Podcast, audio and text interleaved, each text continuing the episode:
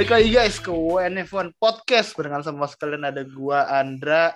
Dan kali ini ditemenin sama Fadil, Fatah, Nuha. Yo. Akhirnya setelah libur beberapa minggu. Yo, halo halo guys, apa kabar? Maaf ya. Aduh ini gara-gara admin utamanya kena penyakit Jadi kurang bisa aktif kemarin di sosmed juga, di podcast juga. Jadi mohon maaf dulu buat pendengar WNF1 Tapi yang pasti we're back on track uh, fresh and better than ever. Kita mulai podcast kali ini dengan berita duka sebenarnya. Apa siapa tuh? Michael Masi resign dari FIA. Ya. Idola gua tuh padahal. Sekarang race directornya juga kayak gitu. Gak ada dia, Max gak juara eh. Eh, hey, Apa iya? Apa iya? Apa iya? Ini kan gue tadi kan gue tadi kan nge-tweet kan eh, apa momen yang kalian inget gitu dari dari Michael Masi gitu. Udah ada ini semua yang berinteraksi ada tiga reply sama satu quote tweet semua isinya sama. No Mikey no that is so not right. Iya. Itulah. No Mikey, no lah. Tapi memang kalau kalian selama Michael masih menjabat di FIA apa nih yang jadi yang jadi momen favorit kalian? Ya, Sama- yang diteriak-teriakin beberapa tim principal at the same time itulah. Ya momennya masih Mm. yang paling memorable. eh selain No Mikey apa ya? Pas itu sempet musim 2020 apa 2000 kapan ya? Ah, lupa. Iya, 2021 tuh kan paling- pas mulai itu kan. Pas Yang dari eh, tim tim radionya. principal bisa ngomong ke Iya, bisa langsung ngomong ke race director kan. Kayak dari dulu juga bisa cuma nggak dipublish tuh. Kalau ini kan bisa dipublish. Tapi sih ya No Mikey sih udah tuh paling Paling ini ya. Emang paling emang memorable dah. paling No memorable. Mikey. Ya, semoga yang terbaik buat siapa? Buat Michael Masi di karirnya dia katanya mau pindah ke Australia terus mau lebih dekat dengan keluarga katanya. Terus katanya mau challenge baru gitu kan. Dia ngomong mau pindah ke Australia gitu nggak mau ngajak driver Australia juga apa gimana? Ais. Si si itu kan siapa? Eh aduh nggak ada driver Australia lain lagi gue lupa sih. Mark Webber ada gue Mark Webber. Ada ada Piastri. Mark Webber. Ada Piastri. Iya, Piastri ngajak nontonin Marco- dari garage. Iya, ngajak Mark Webber kan maksud lo Mark Webber. Iya, Mark Webber Iya. balik ke Australia Iya, cari Mark Webber baru. ini Tantangan di Channel baru. 4 kan Mark Webber sama ini masih komentator gitu kan. Ah, yang ah. ngajak-ngajak gitu kan maksud lo ya. Iya, iya. Emang emang emang siapa lagi? Nggak ada lagi kan? Nah, ada kayaknya pembalap Australia yang lain fine-fine aja. Itu bukannya ini idola para penonton Netflix. Eh, Idola idolanya Nuha itu. eh. Idolanya Nuha kalau nonton Drive to Survive. Yang paling Nuha tunggu kalau nonton Drive to Survive itu. Dan Daniel to survive, Daniel to survive. Daniel tuh Dan survive. gitu. Gitu-gitu poin kemarin anjir. Kemarin dia di Dua. Sembilan, sembilan, Dua. sembilan. dua. Ya. ya bang. ya ini dong, maksudnya ya that that's the best McLaren can do lah. Double poin. Iya. Iya. Ya, itu mobilnya aja jelek. Oh, bukan pembalap ya? Bukan lah. Masa pembalapnya jelek? Gak mungkin. Nggak mungkin. Ya, tapi ya eh, kita baru aja kemarin nyelesain balapan di Austria dan juga kita baru selesai double header juga di Inggris sama Austria dari dua minggu kemarin dan gue nggak tahu surprising dia apa enggak tapi ini kayaknya dua-duanya race of the year ya. Top 2 lah Pokoknya top 2 Iya. lah so far Top 2 so far. kalau gue sih top Menurut 2 gue so juga. far sih Menurut gue juga. anjing keren banget kalau yang di British tuh top 4-nya bagus yang ada di depan yang bagus-bagus kalau yang di Austria tuh kemarin Tengah. yang di tengah sama mobil-mobil yang apa kayak emerge dari P17 kayak Russell gitu yang dari belakang bisa bener-bener naik ke P4 bagus sih kemarin emang dua double header kemarin nih dua-duanya deliver eh, baik British maupun Austrian kalau kalian ketinggalan ke mana aja tapi double header ini disapu bersih sama tim merah yo. Iyalah. tepuk tangan dulu Iya. buat Nah. Scuderia Ferrari yang berhasil sapu bersih double header dan Alhamdulillah. kemenangan Alhamdulillah. pertama Carlos Sainz di F1 di British GP kemarin dan juga eh Leclerc yang kembali ke top step podium P1 setelah dua bulan, dua bulanan, tiga bulanan. Pokoknya Australia Itu kan banget kemarin ya? menang terakhir. Lama banget ya? Iya, emang udah lama banget Australia kemarin menang, terus terakhir ya sekarang baru di di kandangnya Max Verstappen gitu di Austria. Tah, lo ngelihat dua minggu ini apa yang bagus dari Ferrari, tapi kayaknya gue lihat-lihat lu tetap deg-degan sama apa yang kejadian sama Ferrari kemarin. menurut gue menurut gue apa ya sampai pokoknya sampai itu tim bisa poinnya paling banyak di akhir musim ya gue menurut gue gue nggak bakal pede 100% pede kayak pas gue di awal musim gitu loh Eh, soalnya ya udah kelihatan ya banyak kumat-kumatnya juga kayak Hmm. oke lah kalau kali ini mungkin reliability issues eh, ya maksud gue itu masih di dalam kontrol tim tapi maksud gue itu bukan sesuatu yang mereka inginkan gitu lah dan menurut gue strategi di Austria nih udah beneran bagus bagus banget udah menurut gue strateginya udah hampir sempurna gitu loh Hmm. tapi pas di Inggris kemarin eh, ya menurut gue itu blunder strategi paling bego yang salah satu yang paling bego sih yang pernah gue lihat ya. Gue bukan yang gak dukung Carlos Sainz atau apa tapi menurut gue harusnya Ferrari tuh ngomong kayak ya gue ngerti lu juga punya ambisi sendiri tapi ya yang sekarang mimpin kan Leclerc gitu. Hmm. dan Leclerc juga poinnya segini bukan karena rata-rata karena DNF gitu loh apalagi di Spanyol di mana menurut gue dia udah kayak auto udah fix menang lah itu sampai akhirnya dia DNF kan jadi menurut gue harusnya Ferrari bisa step in kayak oke kalau lu mau ngejar juara dunia sabar tunggu tahun depan. Toh regulasinya belum berubah kita masih pakai mobil yang ya kurang lebih konsepnya masih sama gitu. Kalau mau tahun ini ya ya udah ditahan dulu biarin Leclerc ngejar. Kalau menurut gue sih kayak gitu ya. Dan ya menurut gue di British GP kemarin tuh ya Ferrari nunjukin lagi kekurang tegasannya itu terhadap drivernya gitu loh. Dia nggak mau nunjukin kayak apa ya kayak pip mereka tuh arogan tapi at the same time tuh people pleaser gitu loh. Kayak nggak mau bikin salah satu driver yang nggak enak. Jadi jadi nggak jelas gue gue juga bingung gitu. Apa mereka maunya apa gitu. Jadi menurut gue ya harusnya gitu biarin aja dulu Leclerc ngejar tahun ini tapi kalau tahun depan Sainz mau ngejar ya ya udah fair fair aja. Lo kalau jadi strategi Ferrari idealnya gimana pas di British kemarin? Pas di British kemarin menurut gue harusnya Sainz nggak pit Leclerc yang pit gue nggak apal bannya kayak gimana. Mungkin dari ketersediaan ban sih harusnya masih sama ya. Eh, tapi menurut gue either salah satu pit atau dua-duanya pit karena at the end of the day menurut gue kalaupun Leclerc ketinggalan Hmm. ya nanti juga pasti Sainz bisa ah sorry misalnya dua-duanya ketinggalan di belakang pun ya nanti pasti masih bisa ngejar gitu loh. Kan kalau nggak salah posisinya waktu itu satu dua satu dua ya terus di belakangnya ada Iya. Hamilton Hmm.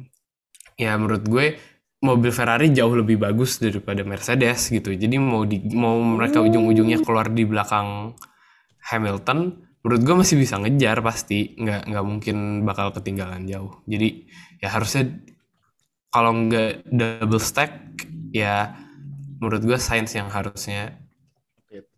Apa?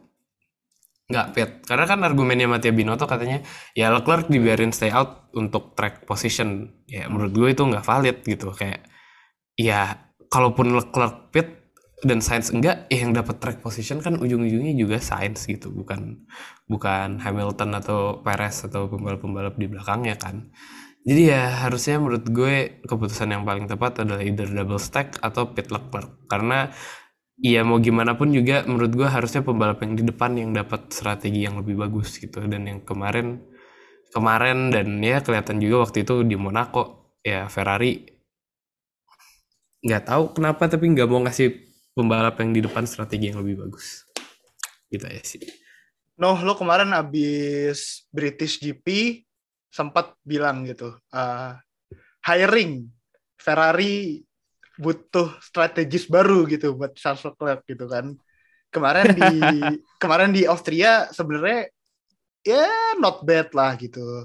Uh, tapi menurut lo is it gonna be like consistent consistently bakal bagus strateginya si Ferrari kayak di uh, Austria kemarin karena kemarin Austria menurut gue nailed it sih kecuali masalah reliability-nya Sainz menurut gue strateginya Ferrari bagus ngecover ngecover si Verstappen juga oke okay.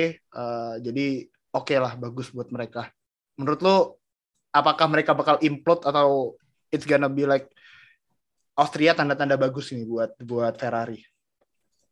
Harusnya sih kalau melihat dari apa yang kemarin terjadi ya di Austria tuh seharusnya itu udah belajar dari kesalahan mereka di ini sih di British ya. Karena menurut gue di British di di Silverstone tuh kesalahan menur yang menurut gue tuh cukup fatal kesalahannya. Karena lu udah ketika itu ya ketika red flag terus tidak tidak bisa memanfaatkan situasi dalam kondisi yang lagi begitu itu menurut gue rada aneh aja. Kesalahan itu udah major major mistake jadi kenapa gue ketika British GP bikin postingan race strategis kayak gitu ya karena emang jelek banget apa yang dilakuin sama strategis mereka di Silverstone. Cuman balik lagi sih Ferrari itu meskipun ya meskipun kemarin di Austria gitu hasilnya bagus gitu tapi ya dan walaupun double di double header ini Sainz juara terus akhirnya juara ada aja masalahnya gitu.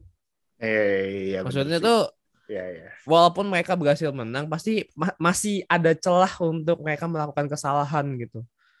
Entah itu kesalahan dari teknisi, kesalahan dari apa itu terjadi lagi dan di, di Austria kemarin juga itu science engine failure.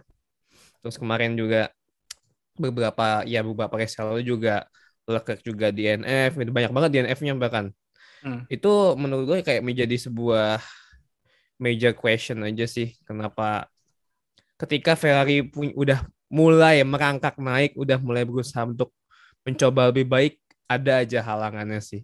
Soalnya kalau misalnya Ferrari kayak gini terus, ya yang di belakang itu juga udah siap buat buat nyusul gitu. Ah. Gue bakal gue gimana ya ngelihat Mercedes yang mobilnya seruat itu tapi mereka selalu bisa konsisten cetak poin gitu loh. Yang itu yeah. yang one side yang harus kita terima faktanya adalah Mercedes tuh selalu berhasil finish di atas 10 besar.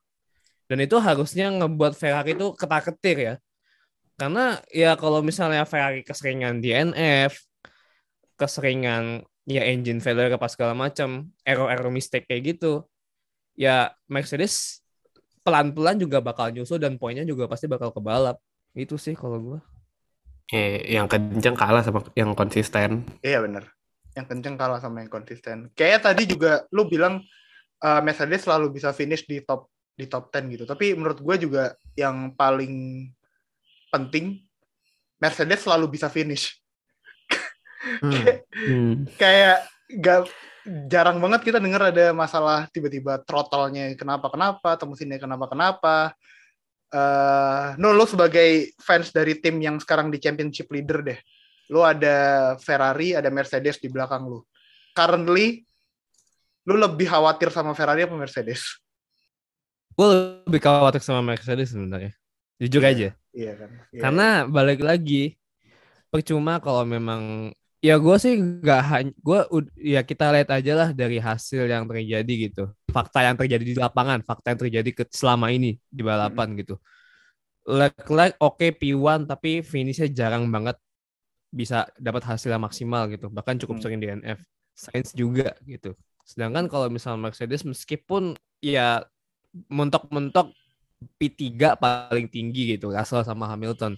Tapi ya dua-duanya masih bisa at least finish gitu berhasil menyelesaikan balapan. Dan itu kan yang terpenting sebenarnya. Dari menghasil dari finish balapan akan menghasilkan namanya poin. Dan dua ya gue nggak mau ngejelasin ini sebenarnya sih. Cuman ya ketika dua-duanya dua-dua ketika dua pembalap itu berhasil finish ya dua-duanya dapat poin dan ujungnya kan juga dapat kontribusi buat tim juga gitu. Ini harusnya nggak perlu gue jelasin sih cuman Iya nggak perlu dijelasin. Lo kayak Will Buxton lu. perlu- iya kayak Will Buxton ya. Cuman ya cuman inilah fakta yang terjadi lah fakta yang terjadi kalau misalnya cuma satu doang yang finish gitu.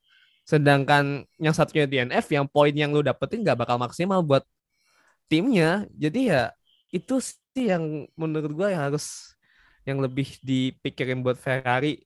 Bisa jadi memang ada ketimpangan treatment ya. Ketimpangan treatment antara Sainz dan Leclerc itu ketika yang gua rada gua gua pribadi ya gua rada miris sih ketika apa yang ketika Sainz menang pas selebrasi yang ternyata krunya sedikit dan dibanding dengan Leclerc ya gua sih ya cuma mengandang-andai aja ya apakah itu benar treatment yang beda atau enggak. Cuman Ya benar-benar.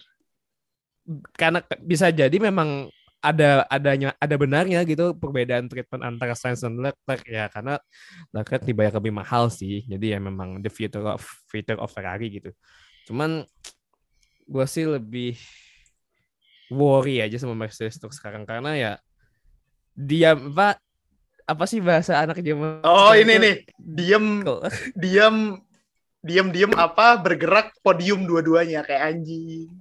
Iya iya kayak pokoknya kayak gitu. Itu yang gua yang sebagai fans Red Bull lebih worry sama Mercedes ya itu karena diam di dia mencuri po, apa diam tidak podium tapi bergerak selalu finish konsisten. Nih ya, gue bacain ya hasilnya dari Azerbaijan ya.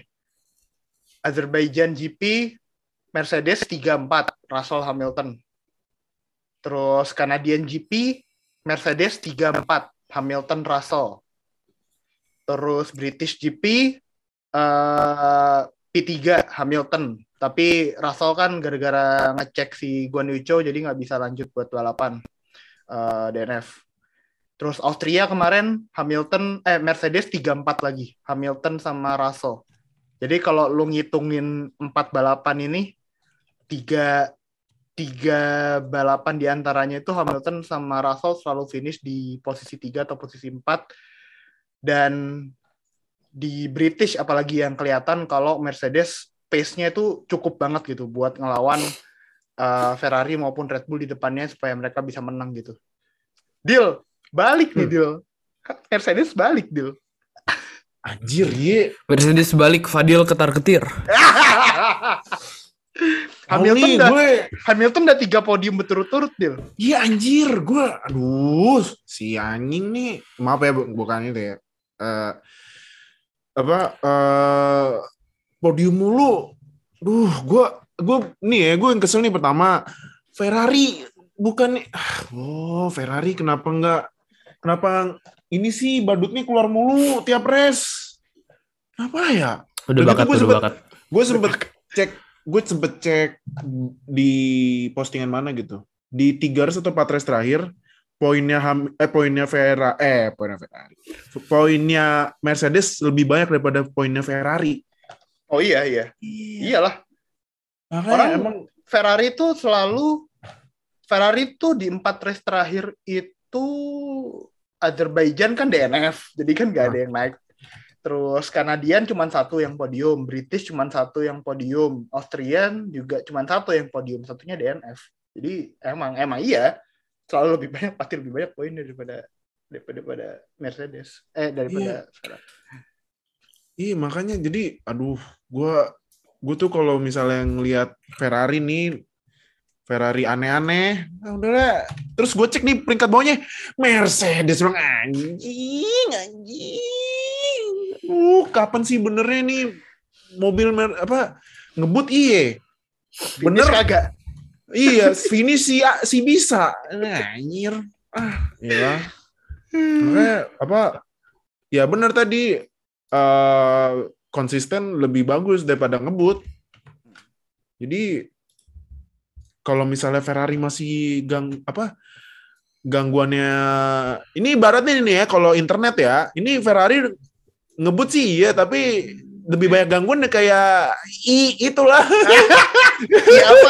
Iya apa? ya kayak itu Iya, lah iya, Eh, nggak tahu emang. Eh, Lu, lu tahu Ndra? Lu tahu Ndra? Iya, apaan? Enggak, nggak tahu gue. Itulah nah Ya ya pasti tau lah.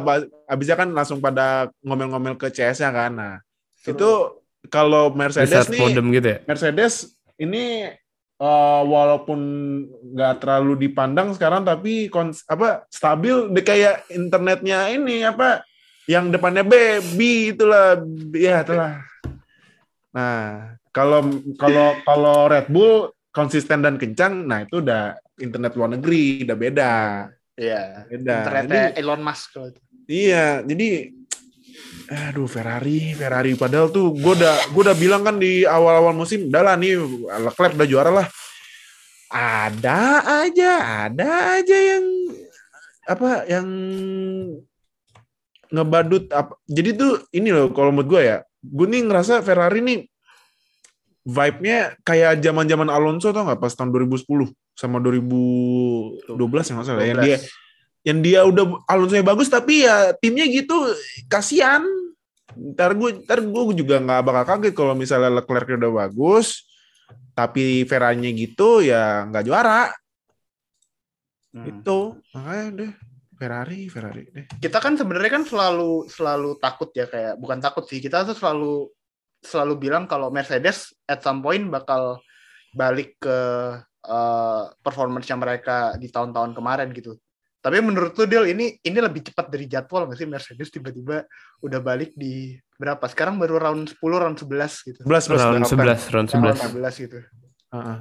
Kecepatan. menurut gua menurut gua sebenarnya kecepatan enggak tapi efektif iya Hmm. eh, kalau menurut gue seharusnya tuh eh, Mercedes bisa bounce back-nya tuh pas abis eh pas di GP GP ini GP bentar ya gue cek eh, jadwal ya. Pas di GP Spanyol menurut gue harusnya Oh, bisa bounce back-nya. Iya. ya kan? Tapi kan ya Russell juara tiga Hamilton juara lima kan pas itu. Iya. ya cuman kan maksud teman kan ya pasti kan ekspektasi Mercedes kan ya juara kan? Iya, betul. ya kan? Nah makanya menurut gua ini nggak kecepatan eh apa nggak kecepatan tapi efektif ya efektifnya karena tim lainnya itu nggak Oh, iya, bisa benar. manfaatin kesempatan Iya, iya, iya. makanya jadi ya menurut gua nih eh, Mercedes nah, kayaknya sih ujung-ujungnya bakalan ngelawan bisa ngelawan Ferrari kali kalau buat konstruktor di P2 bisa Oke. jadi Juara dunia juara dunia kayaknya sulit deh nih kalau driver sih, driver, driver. driver driver driver sih menurut gua nggak bak Sulit, kayaknya sulit. enggak deh sulit deh habisnya Max Kecuali Red Bull, kecuali Red Ah. Bull blunder banget. kecuali Red Bull ada blunder tuh kemarin kan sempat blunder kan Ferrari eh sorry sempat blunder kan Red Bull eh, Perez kan Ferrari kan. nah Perez Perez ngapain? itu out Kan- ya Oh, walaupun dia ya walaupun tabrak mereka tapi- karena kesenggol ya kesenggol Iya, kesenggol. karena kesenggol tapi kan yang lebih blunder lagi pas yang ya itu kan emang karena ini kan karena situasi track ya Hmm. ya ini yang pas di Inggris yang eh, bodyworknya ada bodywork mobil lain nyangkut di belakang mobilnya Max kan Iya. itu, Itu jadi four ya- white, itu four white anjing yang pas Perez di ketabrak sama Leclerc tuh keren banget iya British. jadi ya kalau menurut gua Mercedes bakalan kembali ke ke puncak kalau tim lain yang nggak ini nggak bisa manfaatin advantage. Padahal udah padahal kita udah seneng banget ya melihat Mercedes. Ya Allah payahnya Iya. astagfirullahaladzim kan? Eh tahu-tahu balik lagi. Ya Pak. pas dicek lagi kenapa balik lagi? Ya karena tim lainnya nggak nggak ini sih lagi ya. Ya sih sebenarnya kalau dilihat dari hasil beberapa race terakhir juga Mercedes podium itu gara-gara ada yang DNF di Iya, antara makanya. Ferrari atau Red Bull. makanya gue bilang kan eh, apa gue juga ada temen nonton F1 katanya ah nih mah Hamilton ah, podiumnya podium jalur amal anjir jalur amal jalur amal anjir Baru denger tuh gue. Tapi ya Jalur sebenarnya amal. kalau kalau Mercedes nggak bisa keep up di posisi di mana mereka seharusnya berada, mereka nggak bisa dapat podium jalur amal. Jadi ya tetap aja. iya Tetap jadi aja. ya Ya kalau ya makanya biar nggak jalur amal, tim lain mainnya bener udah itu yang kuda jingkrak tuh. Ah. Yang bener dong. Apa emang emang ini apa kesem- apa kesempatan mau buat juara nih masanya kan apa engine freeze lama ini chance-nya gede malahan blue apa blue delete lagi Aduh. Emang biasa merah-merah tuh emang sukanya blue delete. iya kayak yang ini satu lagi yang merah ya Mm-mm. aduh Merah hitam juga kan. iya ada ya fix Eh, tapi itulah kalau kita ngomongin top 3 tim emang dinamikanya lagi deket banget karena Mercedes eh, udah mulai merangsak ke daerah-daerah race leader, udah mulai bisa konsisten. Itu menurut gue juga kemarin kalau George Russell nggak kena penalti dan nggak ngedorong Perez keluar track, kayaknya Russell bisa bisa finish di depan Hamilton sih kemarin harusnya. Tapi ya karena penalti juga, jadi it is what. Mercedes beware karena dikit lagi Silver Arrow bakal balik ke tahtanya. Tapi kalau kita turun nih ke midfield karena sudah pasti kita nggak bakal ngomongin British sama Austrian GP tanpa ngomongin yang baru heel turn ah Ya. ini ini yang gue tunggu-tunggu nih dan timnya gara-gara dia heel turn timnya juga jadinya dapat hasil yang bagus terus gitu. iya eh Mick Schumacher sama Haas. gila Ini sih dia sih. gokil Lo lihat kan kemarin interviewnya yang habisnya apa sprint race Austria kan? Iya Aduh, muka-muka Michael Schumacher banget itu. Jangan pun Eh. yang pas yang habis interview itu ya, yang ini apa, yang dia habis sprint race terus ditanya apa, pas habis sprint race sebelum keluar mobil kan udah geleng-geleng kan, Hmm. terus Iya. disamperin nama mekaniknya, mukanya Mike apa Mick Schumacher udah keselnya deh kayak kesel muka bapaknya, Iya, persis. Ih makanya udah took it personally ah. Udah dah. Atau ah, Udah P, kemarin P6 ya? P6 sama Hmm. P7. Eh enggak P8. Sorry. P8, P8. Norris naik ke 7 soalnya. Oke. Jadi guys, kita bahas how far Haas can go dengan Mick Schumacher yang baru saja improving. Eh, menurut kalian Mick Schumacher juga improvementnya bakal kayak apa ke depannya? Apakah ini bisa konsisten? Karena gua rasa yang kurang selama ini dari dari Mick Schumacher tuh mentalnya sih sama PD-nya sih. Iya. Pas dia bikin-bikin kesalahan kecil kayak di Au- Saudi Arabia, terus kayak di Monaco, itu kan kayak kesalahan yang dia bikin sendiri kan, bukan karena bukan karena kontak sama mobil lain gitu. So, buat gua kalau PD-nya dia udah dapet, dia udah confident, dia udah ngerti mobilnya khas kayak apa, kuat sama lemahnya di mana. Gua rasa Mick Schumacher sampai akhir musim bisa konsisten ada di finish di top 10 sih. Lanjut aja kalau kalian gimana sih ngelihat lihat Haas ini Eh, bakal kayak gimana? Next race di mana sih? Eh, gimana? Next race? Next Di race Prancis. Next race itu di Prancis, Paul Ricard. Hmm. bulan Juli. Ya, noh lanjut noh. Ah, kalau gua sih yang menghalangi khas untuk bisa tetap ini ya, tetap bisa menanjak kita performanya sebenarnya itu mesinnya. Mhm. Ya, so- soalnya mesinnya mesinnya kan pakai Ferrari ya gitu. Dan gua gua tuh melihat masalah mesin Ferrari itu tidak hanya di tim utamanya aja. Hmm. dari tim satelit atau tim customernya pun juga sama gitu. Problemnya sama. Dan ini tuh juga berlaku di Haas dan Alfa Romeo juga gitu. Dan Hmm. tapi kebetulan nggak entah kenapa Alfa Alfa Romeo kok lebih parah ya gitu. Lebih parah banget Iya. apa yang terjadi di sana gitu Bener bener. tentang mesinnya. Cuman untuk Haas ini gue sangat sangat bersyukur ya dengan kedatangan Kevin Magnussen menurut gue karena dengan dia datang the whole situation is changed. Kayak ada secerca harapan bagi Haas untuk bisa terus konsisten bikin poin dan si siapa Haas ini kan juga akhirnya bisa setelah sekian lama ya bisa akhirnya dua drivernya tuh bisa still bisa dapat poin gitu. Akhirnya setelah kapan ya? 2019 Kayaknya udah lama kayaknya terakhir 2019 apa 2018 gitu mereka terakhir dua-duanya finish di double double point gitu iya udah iya, lama double point dan udah udah lama banget gitu. Hmm. Dan gue melihat memang impactnya Mark, gue sih lebih kayak ke impactnya Magnussen juga. Ini tuh yang buat Mick Schumacher akhirnya mulai berani untuk tampil tampil tampil ruthless lah gue menurut gue Hmm. bilang ruthless ya don't give a fuck. Dan menurut gue di F1 harus punya mentality yang kayak gitu sih. Entah kenapa ya. Karena Harus harus harus. harus. Karena lu driver ada dua driver ada 20 ya notabene top ya peng, apa, pembalap terbaik di dunia lah 20 ini gitu.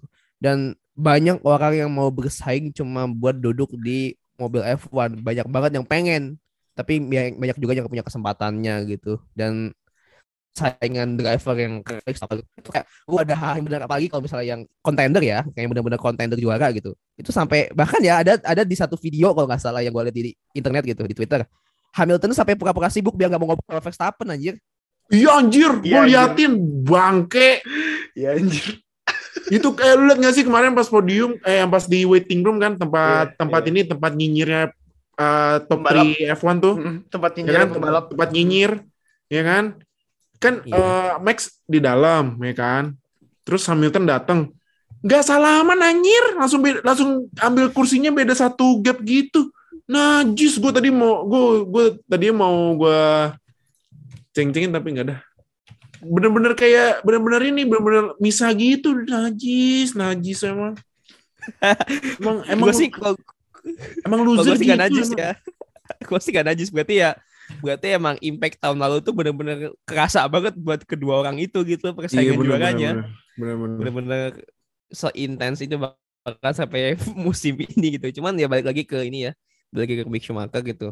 Mm, yang harus punya mentality kayak gitu karena betul betul. bapak bapaknya dia aja dalam tanda kutip kejam juga gitu sama driver-driver yang lain gak peduli banget mau dia apa pasti bakal diceng-cengin habis-habisan sama bapaknya dulu. Dan emang itu yang harus dia punya gitu untuk sekarang saat ini. Kalau dia mau survive di Formula One sih.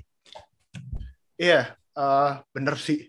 Apa eh, udah nggak bisa lagi eh, selalu jadi the good guy gitu loh di Iya. F1 karena iya ka- the kalau nature of competitionnya ba- bakal keras banget soalnya Iya makanya emang emang emang harus ada ya Filter. ibaratnya ini kalau nonton nonton WWE ini harus ada jiwa Roman Reigns-nya gini nih harus harus heal harus ya don't give a shit lagi deh nggak boleh yang se- banyak senyum ya lu lihat kan yang yang itu banyak senyum hasilnya gimana kan Anjing. sempet, sempet, sempet, sempet, sempet. makanya kan banyak senyum senyum lebar hasilnya ah manyun. Tapi Mick gimana dia? Mick gitu. apa Mick? Ah, Mick sebenarnya menurut gua eh kemarin P6 juga ini ya karena tracknya juga track kenceng sih ya. Mm, ya kan? Mm, kok kalau nggak salah kan Ferrari itu ya Ferrari yang satu dua yang satu meledak ya kan? Haas Mm. bagus Alfa Romeo yang kurang kemarin kan Ya, ah Alfa Romeo yang kurang. gua kurang sebenarnya gue kurang yakin buat di track-track selanjutnya sih ya. Abisnya kan nextnya Oh, ini oke. di Prancis ya. Kayaknya gue prediksi ini kayaknya di Prancis bakalan zong dah. Kecuali kecuali Haas bikin upgrade ya. Mm.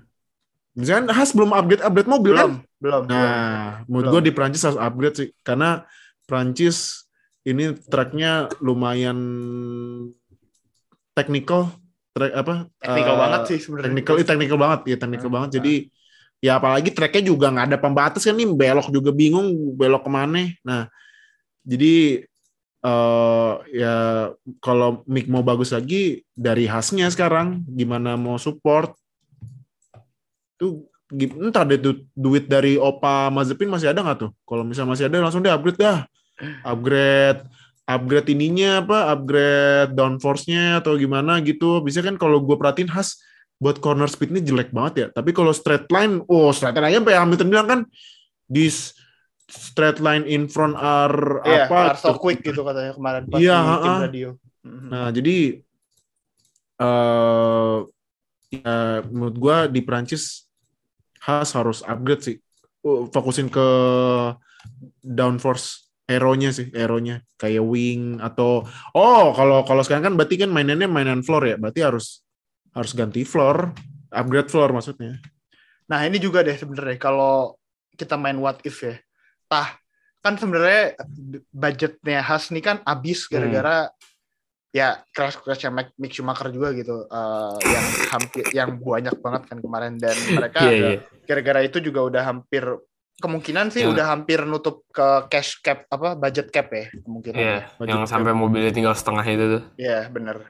Tapi kalau misal nggak ada kejadian-kejadian itu dan Has bisa upgrade sesuai sama plannya mereka, kon- apa ini ini considering update mereka tuh sebenarnya udah di harusnya udah di duluan ya, bukan bukan kayak sekarang. Menurut lu Has bisa se, bisa seberapa sih anjir?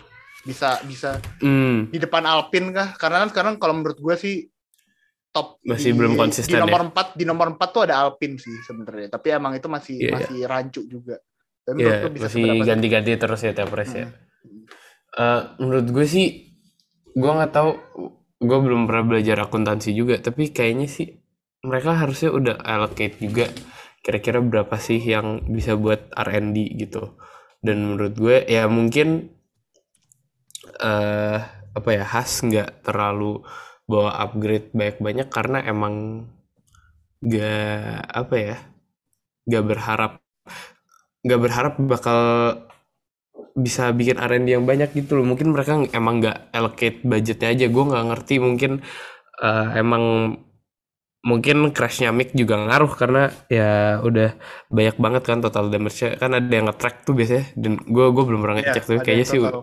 feeling gue sih udah kayak di atas 40 atau 50 juta dolar sih harusnya ya. Hmm. tapi ya mungkin Has bisa lebih di depan dari faktor kalau Mick ini nggak nabrak ya data yang dikumpulkan kan bisa lebih banyak ya. Track time-nya lebih banyak. Jadi menurut gue sih Has bisa lebih maju dari faktor itu. Tapi apakah duitnya Mick duit yang kepake buat benerin mobilnya Mick bisa sampai memakan budget R&D menurut gue enggak sih. Soalnya R&D menurut gue udah dialokasiin sendiri lah budgetnya dan feeling gue sih sejak Mazepin cabut gue gue nggak inget deh apakah duitnya dibalikin enggak sih tuh ke Mazepin enggak enggak kan ya? Udah jadi mobil. jadi mobil. Udah jadi mobil. ya nggak salah sih. Eh apa? Ya menurut gue juga duitnya nggak ya masih udah dialokasiin lah di R&D gitu ya. Mungkin yang harusnya bisa bawa sekian upgrade tapi jadinya berkurang gara-gara Mick sering nabrak. Tapi at the same time kayaknya ya nggak terlalu apa ya nggak terlalu ngaruh banget lah. Hmm. Oke, ya. Tapi ya menarik lah ngelihat apa resurgence dari Mick sama Haas ini. Karena kalau ngelihat karirnya di F2 sama F3 kan juga sebenarnya kelihatan kalau Mick nih pembalap yang telat panas, suka baru baru bisa bagus tuh kayak di pertengahan season dan ini emang kemarin round 11 Austria pas banget nih pertengahan season kan karena tahun ini 22 race.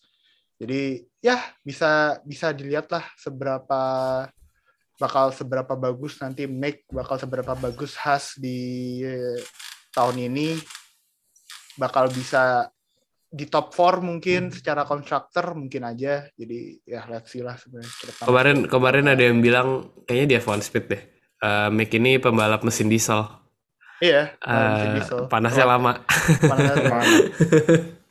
Jadi ya, gue gue sih berharapnya Schumacher, Mick Schumacher bisa cabut dari status ininya ya apa last last name merchant dan bisa membuktikan dirinya sendiri.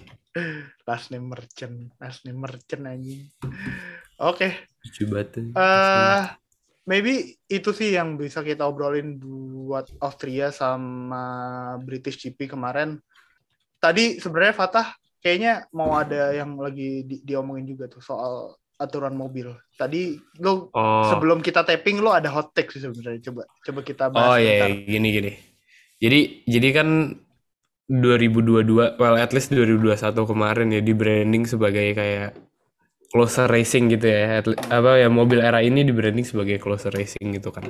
Dan menurut gue sampai ronde berapa kemarin ronde 9 menurut gue belum ada apa ya yang dijual sama F1 ini belum terbukti lah menurut gue gitu ya di Bahrain kelihatan tapi menurut gue dari tahun-tahun kemarin juga Bahrain selalu seru gitu pakai mobil yang zaman hybrid eh apa turbo hybrid awal ini.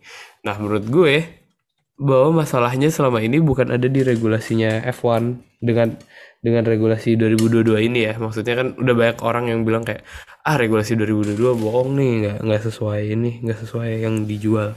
Tapi menurut gue ternyata setelah 11 round ini justru masalahnya kayaknya bukan di mobil ya regulasinya udah bener tapi ternyata sama ini masalahnya adalah track-track F1 yang baru ini kayak Saudi, eh, Miami, Monaco, Azerbaijan gitu-gitu ya adalah track ampas gitu loh yang nggak bisa dipakai buat balapan wheel to wheel.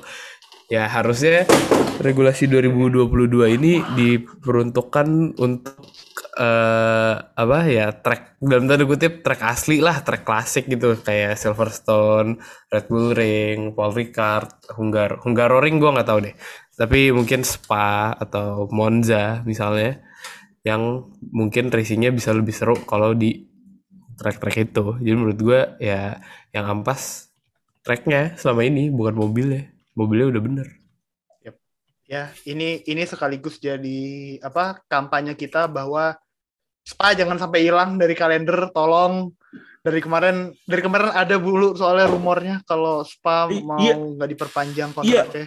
Nah, tapi tapi jujur ya, jujur ya, kalau gue jujur jujuran ya, gue eh gue termasuk yang nggak suka Mas Pas sekarang loh. oh Karena ini kalau habis diganti layoutnya gue belum tahu sih dia Gue belum lihat juga soalnya yang diganti layoutnya kayak apa. eh le- nggak, layoutnya kan udah baru nih sekarang kan. Nggak, sebenarnya nggak layout yang baru sih, dia kayak resurface gitu. Nah, Hmm. tapi yang terbaru tuh yang paling kelihatan itu di turn 1 off ininya. Off ada gravel ya Iya, dibikin gravel, bukan kayak Hmm. biasa yang aspal biasa kan. Nah, itu kan katanya Spa dibikin baru gitu eh biar ini kan nge- nge-support ini kan katanya kalau nggak salah MotoGP kan di Spa ya? Gue nggak terlalu ikutin MotoGP. Enggak, enggak, enggak, enggak. Nggak ya? Nggak, nggak ada, mungkin deh kayaknya. nggak ada. nggak mungkin Gila, nggak mungkin. Eh, Kepanjangan, eh, kepanjangan. MotoGP main di Spa nggak sih? Enggak, enggak pernah. Eh, enggak Enggak pernah. nggak Nggak pernah pernah ya? Oh, kalau nggak Red pernah gue nggak Ring ya? tahu, tapi tahun ini enggak. Nah, oke. Red Bull Ring soalnya yang Nah, tuh, Red Bull Ring. mungkin ini ya mungkin mungkin ya mungkin ini Spa dibikin kayak gitu buat nge ini buat nge-support eh, endurance race endurance kan nah cuman yang di turn 1 sama turn berapa ya ntar gue cek eh, layoutnya dulu ya ntar di eh, oh ini deh di turn 1 sama di turn 12 yang turn 12 kan ada kayak belokan kiri yang baru yang baru tuh. Jadi aneh kelihatannya, bener dah. Coba deh kalau pada lihat eh, spa yang baru dah. Jadi kurang gitu. Apalagi turn satu terlalu terlalu datar jadinya. Kan kan kalau di turn satu itu kan agak agak nurun terus naik dikit tuh pas belok kanan ya. Ini kayak datar udah kanan biasa aja. Jadi gimana ya? Ya nanti Gua lah kurang kita suka- lihat lah. Gua, gua kurang suka ntar, deh, ntar coba aja lihat Kita spa lihat. new new nih new new, New layout. layout. Iya. Oke. Coba aja. Ya, tapi ya gitu deh. Bener sih kalau kata sebenarnya kalau mobilnya udah bagus soalnya kemarin ada battle 5 mobil anjing. Lima mobil di satu corner kayak anjir. Ngaco banget ini eh, kemarin Austria eh, terus siapa si Magnussen double overtake juga di turn 1 di Austria. Jadi emang mobilnya udah bagus, berarti habis ini tracknya yang harus kita evaluasi kayak apa sama FIA. Eh, rumornya katanya mau diganti sama ini ya. Kialami, Kialami. ya katanya. Iya, katanya mau diganti Kialami. South Africa kan. Well, Gimana ya? Mending Sepang gak sih? gue nggak yakin sih Sepang masih mau buat nyelenggarain F1 lagi atau enggak ya. Karena Iya, kan mahal mahal mahal. Tapi Iya daripada sih. Kialami, mending Sepang gak sih sebenarnya? Coba ya. Kalau gua sih sebenarnya kalau gua nggak kalau Kialami nggak apa-apa, asal Ah. jangan Sepang yang diganti. Oh iya bener sih. Asal jangan Iya Sepang yang iya iya iya iya iya bener. Jedah gitu misalnya. Enggak sih kalau mungkin. jeda. Enggak mungkin soalnya kontrak kontraknya udah panjang. Kontraknya panjang banget itu. Ah, jeda Si- ya duit mu, duit minyak mah pasti Qatar. Qatar, Qatar. Sebenarnya sebenarnya ada ya. Kan sebenarnya ada slot kosong Rusia kan. Rusia Iya. kan udah di Ah, eh, eh, eh. Rusia lagi, eh. Enggak, Rusia kan udah kosong kan, slotnya Rusia kan udah udah udah udah di, di, dihapus kan. Makanya Kialami kalau mau ditambah sebenarnya bisa-bisa aja, nggak tanpa ngegantiin track yang lain. Harusnya. dan juga kan kalau Jeddah kan tahun depan udah pakai sirkuit ini ya, sirkuit asli bukan pakai sirkuit Jakarta Hmm, Raya iya. lagi. Jadi kemungkinan sih bisa track apa balapannya juga bakal lebih ini lagi sih.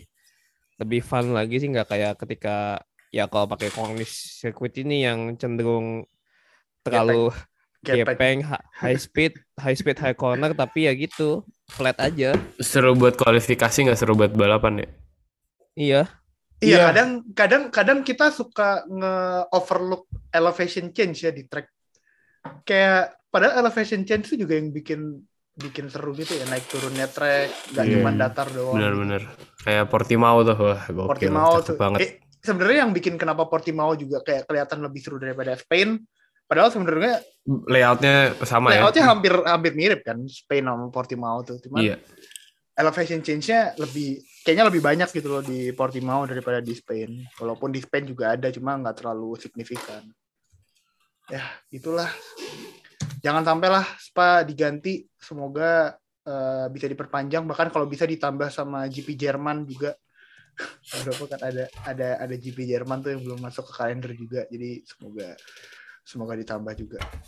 Dan oke mungkin buat penutup kemarin di ini sebenarnya statement aja sih statement WNF1 aja sih dan kemarin sebenarnya udah gue publish juga di sosmed di twitternya WNF1 tapi kayaknya nggak afdol kalau nggak ditaruh di di sini juga di podcast. Jadi kemarin selama Austrian GP itu banyak tingkah penonton yang katanya kurang baik buat penonton di sekitarnya. Banyak disrespect ada bahkan ada sexual harassment juga secara Ah, verbal yang dilakuin sama penonton di penonton yang langsung nonton di sana.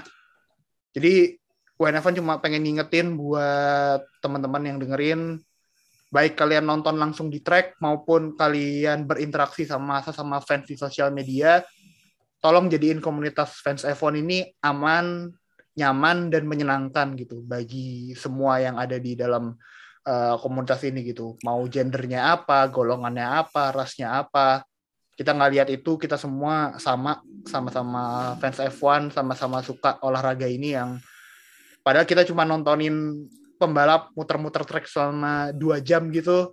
Tapi kalau gara-gara itu kalian bisa berubah jadi orang yang ngedisrespect orang orang yang bikin rumor yang salah-salah ke pemba- ke pembalap atau gimana pokoknya jadi orang yang jahat lah.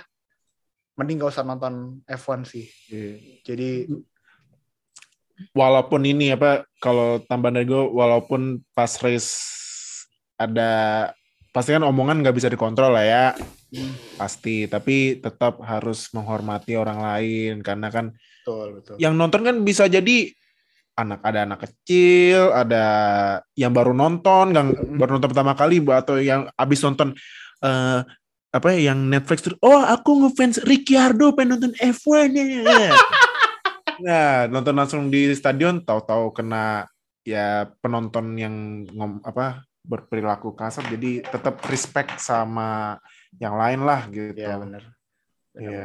Karena ini karena olahraga keluarga sih kalau ini kalau buat gua. ah iya benar benar benar. Soalnya benar. dulu ingatan gua memori gua nonton F1 tuh ya pertama kali juga sama sama bokap gitu. Ini kan Yoi. olahraga yang keluarga banget. Jadi ya jangan sampai lah uh, Iya. ada yang nggak nyaman gitu di antara Iya, apalagi kalau juga kalau misalnya F1 ngesorot penonton kan pasti banyak banyak anak kecil kan. Iya. Iya Dan benar. pasti yang salah satu yang ikonik yang pas Kimi out Kimi. di GP Spanyol atau mana ya? Terus Iya. yang disorot Iya, anak GP kecil. Spanyol. Nah, itu kan udah udah kebuk, udah terbukti Hmm. F1 itu family sport. Jadi Iya. ya ya inilah ya buat kalian yang mungkin no- ya baru bisa nontonnya di layar kaca di dibiasain lah buat respect to other gitu. Jangan Hmm, betul, betul. jangan misalnya lagi kesel terus lagi kesel nih, ah jagoan gue Ricciardo ja, eh, payah ya emang payah. Eh, Hey, Eh. hey. Nah, terus langsung ngatain orang lain, eh apa? Lalalala. Nah, jangan ya biarin aja. Lu emang emang emang nggak ada yang lebih penting apa daripada ngomelin Hmm. pembalap jagoan kayak yang kemarin tuh ada yang sempat di share di Twitter ya yang marah-marahin Ferrari. Ngapain marah-marah di Twitter? Nggak ada gunanya anjir orang marah-marah orang pada Mattia Binotto, Mattia Binotto si bisa bahasa Indonesia. Iya, makanya lu di translate juga su- suka salah translate, makanya ngapain marah-marah di Mattia, Mattia Binotto juga apa ini Fafifu was was was. Iya, Wafa Vivo Waswesus TBL TBL ngapain? Ah, udah. lagi. Bela Ferrari udah kayak bela agama, bingung gue. Iya. Makanya nonton ya intinya kalau dari gua dan mungkin mau ke WNF1 Ya sama lah. eh, memang emosi itu part of the racing tapi tetap hormati orang lain dah itu aja Yoi. gitu. Dan dan apa ya ingat kan yang nonton nggak lu doang Nah, ada gitu. yang di bawah umur, ada yang di Iya, yang lebih tua itu. juga. Ada gitu yang lebih loh. tua. Ada orang yang udah nabung bisa setahun lebih, cuman buat nonton ke situ terus apa ya experience yang harusnya life changing gitu malah dihancurin gara-gara nggak sopan di track kan ya nggak enak jadi ya iya. apa ya kayak ya kayak ngefans sama F1 lu doang aja gitu kayak ya Iya. udahlah bikin environment yang inklusif dan bisa merangkul semua orang Iya, di-. Ditambah sekarang zaman sosial media ada dikit-dikit nyebar viral kelar. Nah, iya makanya jadi ya kayak hidup lu cuman di race weekend F1 aja kayak lu nggak ada kehidupan di luar race Tahu. weekend F1 aja Iya. jaga kelakuan lah tetap harus Iya, kelakuan dan explore lah eh, dunia F1 jangan hanya Ricciardo. Eh, Jangan jadi si paling F1 lah pokoknya. eh. si paling F1. Oke, on that note, eh, thank you buat Fadil, Fatah, Nuha yang udah join eh, review Austrian maupun British GP malam hari ini. Thank you juga buat semua yang udah dengerin. Jangan lupa follow sosial medianya WNF1 ada di Twitter, Instagram, sama TikTok. Terus ada Discord kita juga. Jangan lupa join. Linknya ada di pin tweet kita paling atas. Thank you buat semua yang dengerin and we'll see you guys in our next episode. Bye guys.